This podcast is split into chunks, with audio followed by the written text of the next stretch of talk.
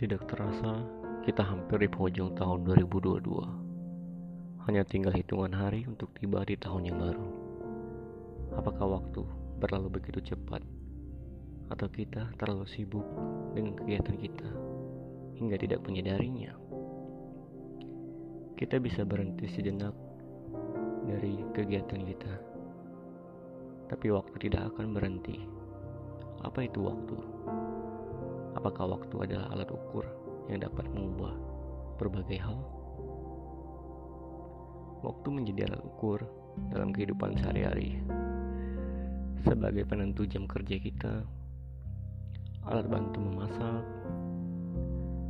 penentu waktu, kedatangan dan tiba sebuah transportasi, penentu waktu start dan finish sebuah perlombaan.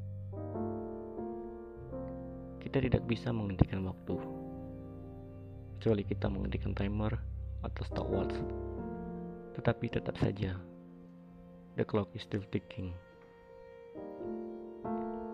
Waktu bisa kita perlahankan atau slow down dengan melakukan kegiatan yang menyenangkan bagi kita.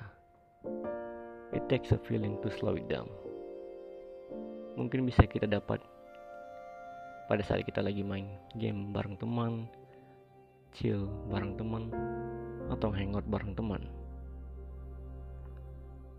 Waktu itu bisa mengubah hal-hal yang ada di sekitar kita. Magic power dari waktu itu merubah sesuatu secara konsisten. Contohnya, pagi menjadi siang, siang menjadi malam, musim spring menjadi summer, summer menjadi fall, fall menjadi winter. Dari contoh yang aku sebutkan, tentu sebenarnya bukan waktu yang mengubah itu.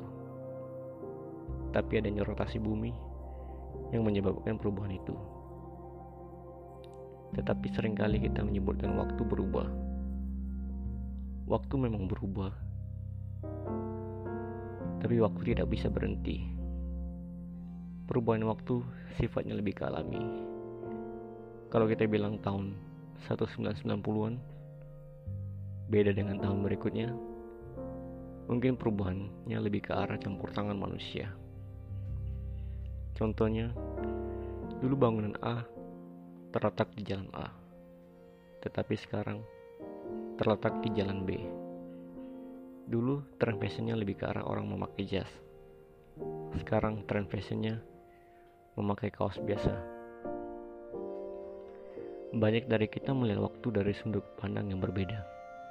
Ada yang melihat waktu sebagai temannya, ada yang menganggap itu musuhnya, ada yang tidak peduli, atau bahkan tidak menganggap itu teman maupun musuhnya. Bagaimanapun juga, waktu sudah menjadi bagian dari hidup kita. Ia tidak akan berhenti hanya langkah kita yang bisa berhenti. Ada baiknya kita slow down, seperti kita sedang menyantap makanan kita, menikmati perjalanannya.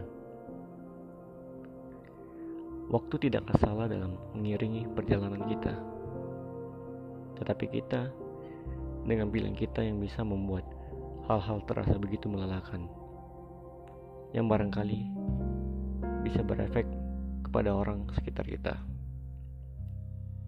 Waktu tidak akan menyakitimu.